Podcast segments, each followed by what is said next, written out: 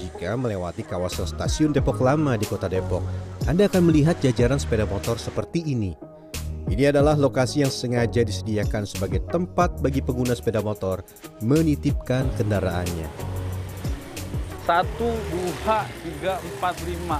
Memang banyak banget nih lapak penitipan kendaraan sepeda motor di jalan Stasiun Depok Lama, Kota Depok. Nah, memang usaha penitipan kendaraan sepeda motor ini sudah ada sejak lama. Sampai-sampai para pemilik usaha lapak ini membongkar rumah pribadi mereka untuk dijadikan lahan penitipan kendaraan bermotor.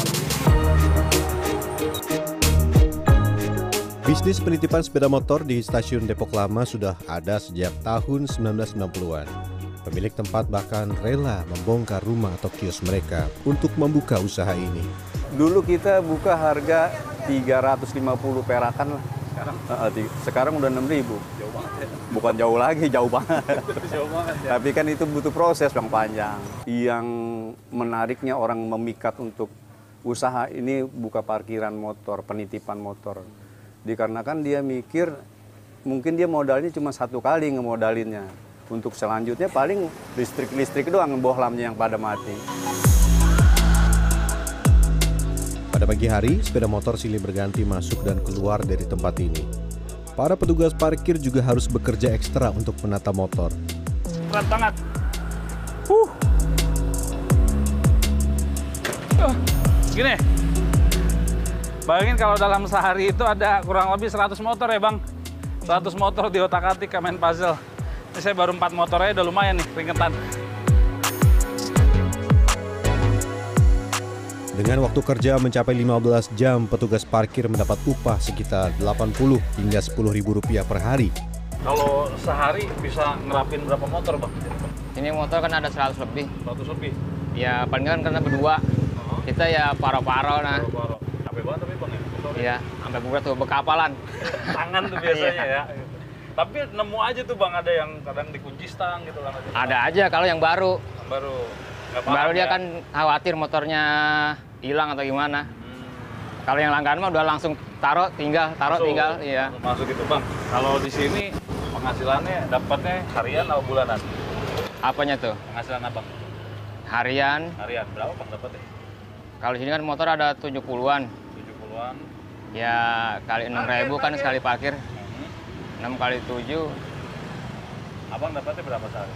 Kalau Sehari. abang Dari bersihnya 80. 80. Tapi kan makan dapat sini makan gratis. Banyak penumpang kereta api mengendarai motor dari rumah lalu menitipkannya di tempat-tempat penitipan. Mereka kemudian melanjutkan perjalanan ke kantor dengan kereta komuter. Iya, karena saya nyaman aja kalau kalau kita nyaman kan enak gitu kan kalau di sini 6000 ya selama ini aman-aman aja Heeh. lebih murah sih lebih murah kalau kita titip dari pagi sampai sore itu cuma berapa cuma tujuh ribu di sini ribu jadi flat flat flat, harganya kalau di sana kan per jam mahal Meski kendaraan tidak boleh dikunci stang, pengelola lahan parkir terus memantau kondisi keamanan. Mereka harus menghafal pemilik-pemilik kendaraan yang biasanya berlangganan. kalau mau ada yang kira-kira mencurigakan, kira-kira nih orang asing, begitu dia mau ngambil motor kita minta STNK-nya. Coba lihat STNK-nya gitu. Kalau dia nggak punya STNK saya nggak kasih, Kasih. nggak kasih. Tapi dipantau terus aja. Ah, ah. gitu ya. Dia bilang STNK-nya di rumah. Coba eh, tolong Pak dipotoin dari rumah kirim kemarin.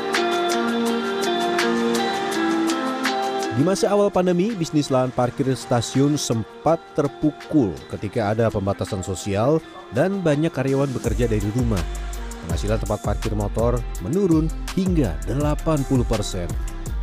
Saat ini kondisi mulai membaik, stasiun kereta komuter sudah kembali hidup pikuk dan bisnis penitipan motor kembali menggeliat.